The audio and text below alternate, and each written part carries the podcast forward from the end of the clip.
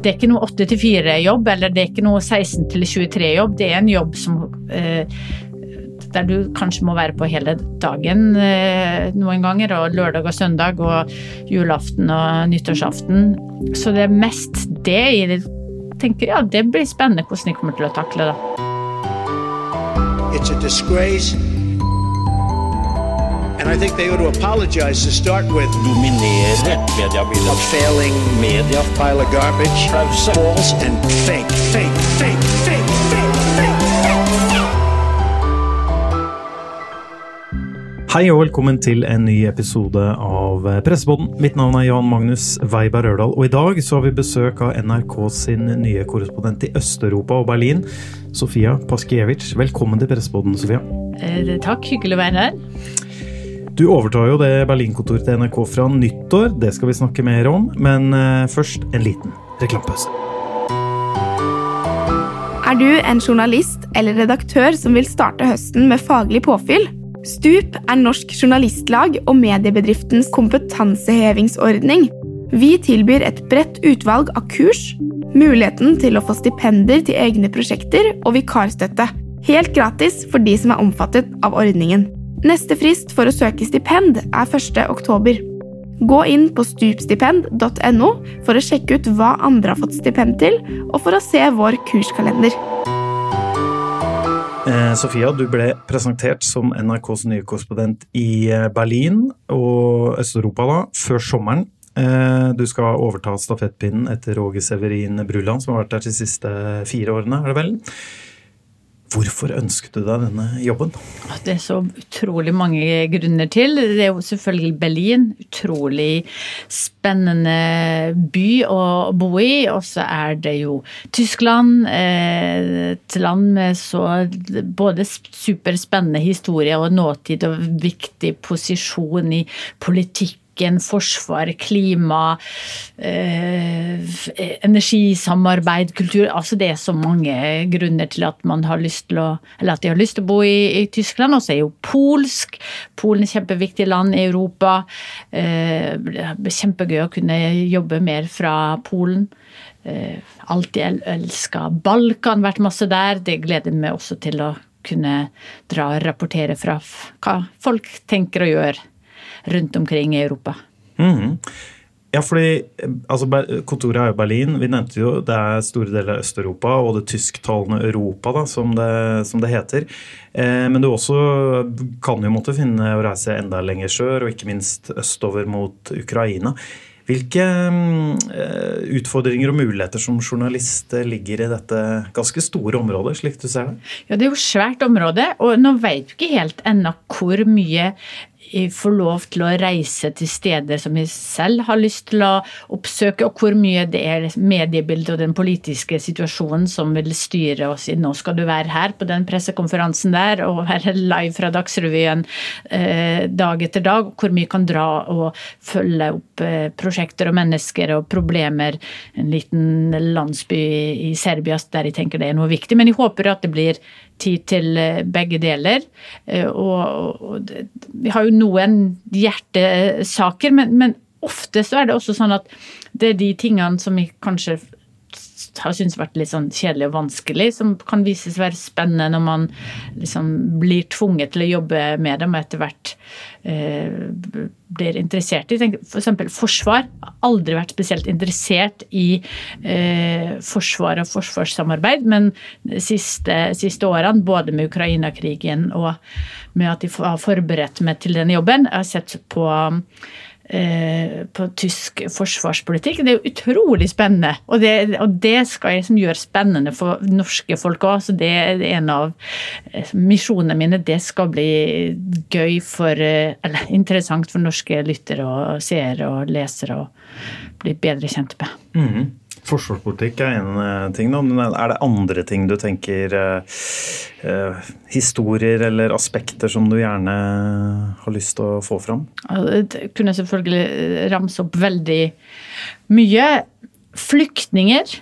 Eh, altså Europa Vi står jo det er jo ikke noe nytt, men, men, det blir ikke færre mennesker som kommer til å være på flukt. EU har akkurat fått eh, en ny flyktninglov, avtaler med eh, Tunisia. Det kommer til å komme folk inn til alle, eller flere av de landene som vi skal dekke. Noen av de, Polen, Ungarn spesielt, vil jo helst ikke ha inn noen. Det kommer til å bli konflikter der. Eh, folk i Polen og Ungarn vil gjerne snakke med. Hvorfor eh, er de så skeptiske til det? Kanskje det finnes historier, og eller jeg vet det finnes folk som ikke har noe imot flyktninger, men eh, eh, hva bakgrunnen for at det ser så annerledes på i eh, Tyskland og i nabolandet Polen? Jeg gjerne Eh, fortelle om, ikke nødvendigvis bare sånn fra sånn pressekonferanse, men ved å møte folk forskjellige steder i Europa, og hvordan de møtene med flyktninger eh, kommer til å påvirke livene deres. Mm. Du er jo en eh, rutinert Urix-reporter, snart 17 år i NRK, eller over 17 år i NRK. Men du er jo fersk som korrespondent. Dette er første korrespondentjobben du skal ha. Hva er du mest uh, spent på? Det er jo ganske sånn overveldende. Nå har jeg prøvd å snakke med mm, korrespondenter både nåværende og tidligere og få mest mulig tips fra, fra alle, eh, det kanskje kan hjelpe. Men både det at det er så stort område som skal eh, dekkes, eh, så mange plattformer, så mange teknologiske løsninger. Og så har jeg også skjønt at det er ikke sånn at man reiser ut med et svært NRK-team. Ofte er man helt alene. Eh, og håper at teknologien står en by liksom midt ute i felten, enten det er i, eh, i Berlin eller i Kosovo, eller hvor man måtte befinne seg. Det, det er veldig mange oppgaver på én person. Når man jobber her i Oslo, så har man et stort apparat rundt seg. IT-support, eh, fotografer, eh, tolker. Mens, ja. Så det, det, er mye forskjellig man skal Eller må ha, være herre over, da. Mm -hmm. En annen ting er jo eh, Du er jo vant til å være på lufta. Da. Du er programleder nå i Studio 2. Men nå blir det jo mye mer live-rapportering, som du nettopp på mange flater. Mange programmer. Hva tenker du om eh, det, da? Mye mer live-rapportering kanskje ja, enn det du er vant til nå? Ja, nei, men det har jo vært en del som sånn desk-reporter i eh, Urix, utenriks, og da er man i hvert fall vant til å jobbe veldig fort og være på radio eller TV eller nett raskt. Så jo da, det blir selvfølgelig sikkert eh, overveldende, men, men, det jeg tror blir den største overgangen, er at man har jo utgangspunktet eh, altså man har ikke noe sånn, Det er ikke noe 8 4-jobb, eller det er ikke noe 16 23-jobb. Det er en jobb som eh, der du kanskje må være på hele dagen eh, noen ganger, og lørdag og søndag og julaften og nyttårsaften. Så det er mest det jeg tenker ja, det blir spennende hvordan de kommer til å takle det. Mm. Og det er på en måte jeg nesten aldri har fri. Ja, for jeg har snakka med korrespondenter som sier det at uh, altså det, det um, du, vil, du går rundt med konstant uh, ikke dårlig samvittighet, men du føler ikke du helt strekker til å få dekka alt du har planlagt. Men så er det jo den, alle de mulighetene som på en måte veier det opp for det. Men dette er vel sånne ting du også har hørt da, når du har snakka med korrespondenten, vil jeg tro? Ja, At du er litt forberedt på? Ja, og, I den grad man kan det, da. Ja, men man får i hvert fall råd. Men, mm. men det jeg har eh, hørt, som jeg har tatt til meg, at man skal være flink til å si nei når man trenger å si nei. Eh, og at man ikke skal føle at eh, da er man en dårlig eh, medarbeider. Eh, for det, det, er vanskelig å si nei når Dagsrevyen ringer og vil ha deg på, kan jeg tenke meg. Det, er, eh, det kan jeg forstå. Eh, en annen ting med jobben, da. Nettopp det at det blir mange flater. Mye live. Dagsrevyen, Dagsnytt 18, altså i det hele tatt. Det gjør jo også at du blir mye mer, eller betydelig mye mer synlig og kjent nå fra 2024 blant folk flest da, enn det du er nå. Hvilke tanker gjør du deg rundt det? Det er på hvert fall ikke noe som er et pluss i jobben. Det jeg, det jeg har aldri hatt en stor drøm om å bli kjent. Jeg har alltid syntes det var stas å jobbe i radio, hvor eh, man får være på, men uten at man blir noe særlig kjent. Eh, og bare nå i sommer, det, var jo en sånn liten artikkel ute om at de skulle bli ny korrespondent, og så er det folk på gata og naboer og, som vi kanskje aldri har snakka før, som sier ja, så gratulerer med jobben. Så skal nok greie å takle det, selv om det ikke er derfor jeg søkte på jobben. For korrespondent så kommer man jo eh, Det er også en eh, ting jeg har tatt med meg fra flere korrespondenter jeg har snakka om som har vært i din eh, posisjon, og som har vært ganske ferske og kommet ut. Du, for du kommer jo veldig hjem til folk fortsatt. Det er jo fortsatt en stor andel av befolkningen som sitter og ser lineært. Og da føler de jo kanskje at de kjenner deg litt. Så ja, at du blir stoppa på gata mye framover til neste år, det må du vel kanskje være forberedt på? ja, men samtidig så tenker jeg jeg skal jo tross alt eh, sitte mest, eller være i, mest i utlandet. Så kan jo hende at jeg ikke får med meg noe av dette her. Eh, for i, i Tyskland eller i, i, Slovenia så kommer vi jo ikke til å bli stoppa på gata. Så, så jeg vet ikke hvor mye det kommer til å ha innvirkning på på, på, livet mitt fremover. Kanskje når jeg kommer tilbake, så blir det annerledes. Eller du får mailer og meldinger og sånn, eh, kanskje, fra lesere og lyttere og seere. Og la oss bare håpe at det blir positive tilbakemeldinger. Stup gir deg faglig påfyll i mediebransjen. Neste frist for å søke stipend er 1. oktober. Gå inn på stupstipend.no for å sjekke ut hva andre har fått stipend til, og for å se vår kurskalender. Vi nevnte jo en ting eh, her, Sofia. Du har bred journalistisk erfaring. Eh, men du er også uvanlig språksterk, må vi jo si. Eh, NRK opplyste da du ble ansatt at du foruten engelsk og norsk selvfølgelig, snakker tysk, ukrainsk, arabisk og polsk. Det vil jeg si er godt over snittet av kompetanse som norske journalister har. Hva, hva er bakgrunnen til denne brede kompetansen på språk? Altså, noe er jo fordi at de er fra Polen, er født i Polen, så da eh, kom polsken med. Eh, og så er polsk og ukrainsk det er jo såpass eh, likt, selv om det er helt annet alfabet. Ikke sant? Ukrainsk er kyrillisk, men grammatikken vil jeg si ja, veldig lik. Eh, og, og, ordene også ikke så forskjellige. Så, så, da krigen startet, så tenkte jeg her må jeg bare prøve å sette inn støtet litt og lære med det som gjør de to språkene forskjellige, sånn at altså, ukrainsk har blitt et mye mer nyttig språk å kunne i Norge enn det var for tre år siden. Eh, så da, men altså, på ingen måte flytende ukrainsk, men fordi at det er så likt polsk, og fordi at de har tatt litt eh, studert eller lest litt, så kan jeg det Ja. Så jeg tror kanskje jeg skal greie å gjøre meg forstått i Ukraina.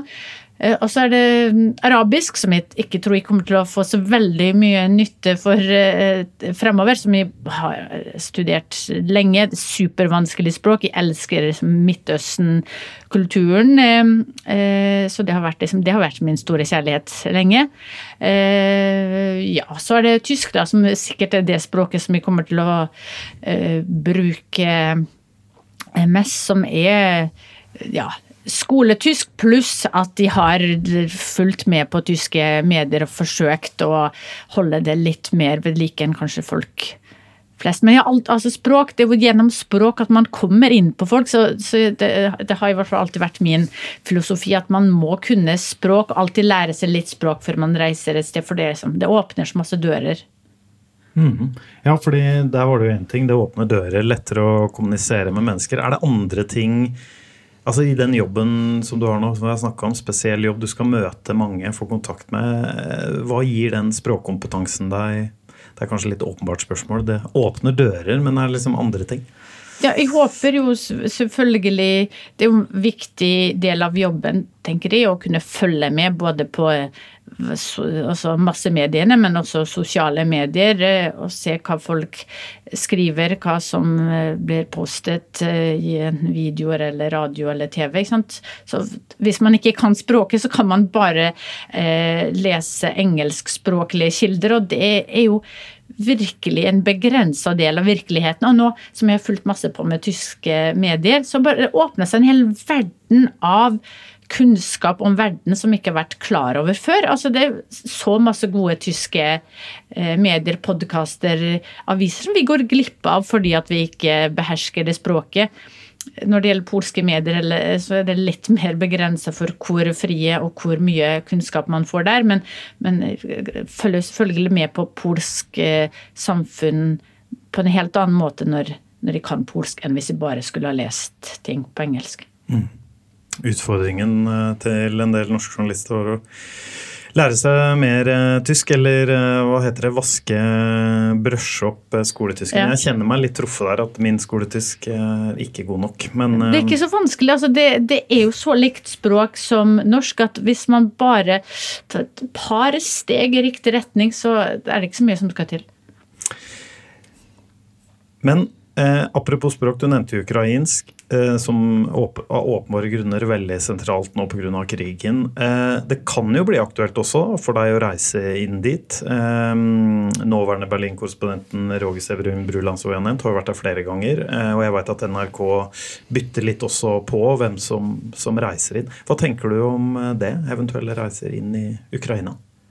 Altså Det er litt sånn todelt. For på, på en side så er det jo en konflikt som selvfølgelig er veldig spennende og viktig. Og journalisten i meg har veldig lyst til å reise dit og være mye og følge tett med på det. Men samtidig så har jeg også to barn som skal være med til, til Berlin, og en mann. og og jeg tror de syns at det sikkert ikke er så veldig stas at de skal henge masse der. Så det blir, ja, vi får, vi, det blir en sånn avveining av hvor eh, Jeg håper at det ikke må være i Ukraina hele tiden, i hvert fall. Nå har jo NRK da det siste året fått en, eh, eller et eget Ukraina-team, da, det skal jo sies. Men eh, det var jo noe av grunnen til at, eh, at en del andre korrespondenter dro inn i tidlig fasen av krigen. Men ja. Apropos Roger Severin Bruland, som vi nevnte et par ganger. Vi hadde han i Pressepodden også før sommeren, eh, da det ble kjent at han skulle slutte og bli bringebærbonde eh, til neste år. Eh, han snakka bl.a. om hvor spennende og sentral plass Berlin og Tyskland har nå, sånn ut fra journalistisk perspektiv liksom i det geopolitiske landskapet som er nå. Eh, du har jo vært inne på noe av det her, og det er det jo i aller høyeste grad fortsatt, vil jeg, tenke meg. Hvordan ser du på det, sånn, eh, det å ha Berlin som base?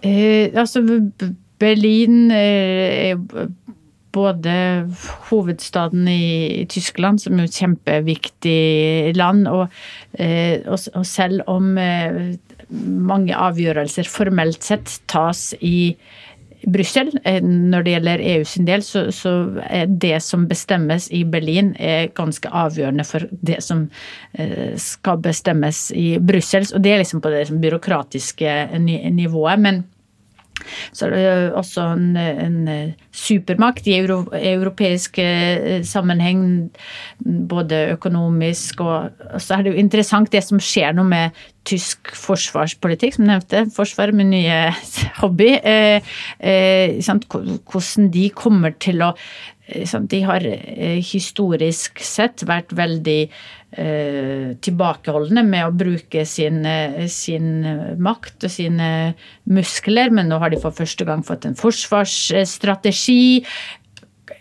Hvor mye de skal involvere seg i Ukraina. Det er kjempespennende hva, eh, hva man bestemmer i Riksdagen i Berlin. Men i tillegg til å være hovedstaden i Tyskland, så ligger jo Berlin én time unna den polske grensa. Og så tror jeg det er to og en halv time med tog til Praha. Så det ligger veldig langt øst, eh, så, så det er jo et også veldig naturlig sted å er ikke spesielt Polen, selvfølgelig mitt hjerte nærmest, men det er også som jeg har veldig kritisk forhold til. Det er sånn elsk-hat. Ikke så mye hat, men kritisk blikk. Eh, så jeg tror nok jeg kommer til å bruke litt tid også i Polen, spesielt med tanke på den utviklinga som er i landet nå. Eh, både sånn innenrikspolitiske utfordringer med autoritært styre, men også i forhold til opprustning og den rollen landet har mot uh, Ukraina-krigen og Russland og liksom Natos grense mot øst. Ja, fordi eh, Tyskland og tysk innenrikspolitikk har jo også vært eh, mye dekka for NRK med eh, Roger Bruland der nå, siden det var nytt valg i, i fjor osv. Og, så videre, og har vært på en måte eh, Angela Merkel gikk av osv. Stor betydning for Europa. Men det er jo også et ganske viktig valg i Polen nå i høst. Parlamentvalget der. Eh, Si litt mer om eh, hva det kan ha å si for Europa og, og journalistikken du vil måtte eh, gjøre derfra. Ja, ikke sant. Nå virker det som om det er den samme regjeringa som kommer til å bli gjenvalgt. Om mulig med støtte fra et enda mer høyreekstremt eller mer nasjonalistisk parti de kan kanskje gjøre det enda bedre. Så Sånn sett så er det jo eh, Ser det ut til at den samme politikken eh, som har blitt ført de siste årene, kan fortsette. Det vil si politikk der man eh, inn, har innskrenka det, altså det, juridiske systemet. At dommene Domstolen har blitt politisert. Man tar kontroll over media. Man er veldig skeptisk til innvandring. Eh, så det ser ut som om det kan eh, fortsette. Men om det vil føre til store endringer, det, det blir spennende å følge med på, da. Mm. Jeg bare lurte på en ting. Du nevnte jo med å reise mye rundt. Eh, og da nevnte du tog. For det kommer til å bli, det til å bli viktig å, ta, å lære seg togrutetabellene ja. rundt Europa. ikke sant? Fordi du har ikke førerkort. Nei, det, det, stemmer. Eh, så jeg har tenkt litt på om det er noe som et, eh, must for en korrespondent. Vi får nå vente og se. Min forgjenger, Roger Severin Bruland, han har jo kjørt Europa på tvers. Men det fins eh, tog, og jeg har hørt at Guri Nordstrøm, som var eh, korrespondent før det igjen, at hun sykla veldig mye rundt i Berlin med kamera på bagasjebrettet. Så eh, sykkel og tog, og kanskje noen fotografer med førerkort, så håper jeg at de skal greie meg. Kanskje blir Urix-journalistikk fra togperspektiv. Det, det, kan jo også bli spennende. Det, det trenger vi mer av. Det vi, det, det gleder jeg meg til å se. Vi skal gå inn for landing i presseboden nå, Sofia. Men uh, vi pleier å ha noen sånne kjappe spørsmål uh, hvis vi har tid. Og nå er vi litt over tida, så vi skal ikke ta alle, men uh, et par, hvis du er klar. Kan prøve. Hva slags journalistikk er det som engasjerer eller provoserer deg mest? Jeg jobber i kulturjournalistikken mange år, så lanseringsjournalistikk er irriterende. Det er irriterende. Ja. Hva er det som engasjerer deg? når du blir... For det kan jo også engasjement kan være å provosere, men er det noe du er spesielt engasjert i? Nei Nei, det, det, det, er mye. Ingenting som er sånn typisk engasjerende, tror jeg. Nei, lanseringsjournalistikk. Ok, ja. vi tar med oss det. Og til slutt, dette er et spørsmål som mange syns er vanskelig, men uh, hvem er det som inspirerer deg mest i Medie-Norge? Ja, altså, Jeg har et journalistisk forbilde etter mange år, og de siste årene jeg begynte i utenriks, så fikk jeg lov til å jobbe med vedkommende. Sissel Wold er jo en eh, fantastisk journalist som vi prøver å liksom strekke med etter og eh, gå i hennes fotspor. Hva er det du syns som er eh, så forbilledlig med henne? Nei, for eksempel, Hun kan mange språk, og hun jobber på eh, døgnet rundt, virker det som. Aldri hvilende, og kan sakene sine. Forstår, eh, forstår de store spørsmålene og greier å formidle det på en veldig sånn menneskelig og forståelig måte. Mm. Det blir siste ord i denne pressepoden. Ønsker deg lykke til med flyttinga til eh, Berlin og Øst-Europa fra januar da, 2024. Det er jo ikke lenge til, selv om vi er september nå. Så Tusen takk. Jeg trenger alle lykkeønskningene jeg kan få. Og lykke til med tog, togreisene. Bare kjøpe seg sånn eh, reisekort på Statbanen i Tyskland med en gang, i hvert fall. Um, Det var det vi rakk i denne pressepodden. Neste uke er det ny gjest og nytt tema. Vi høres igjen da.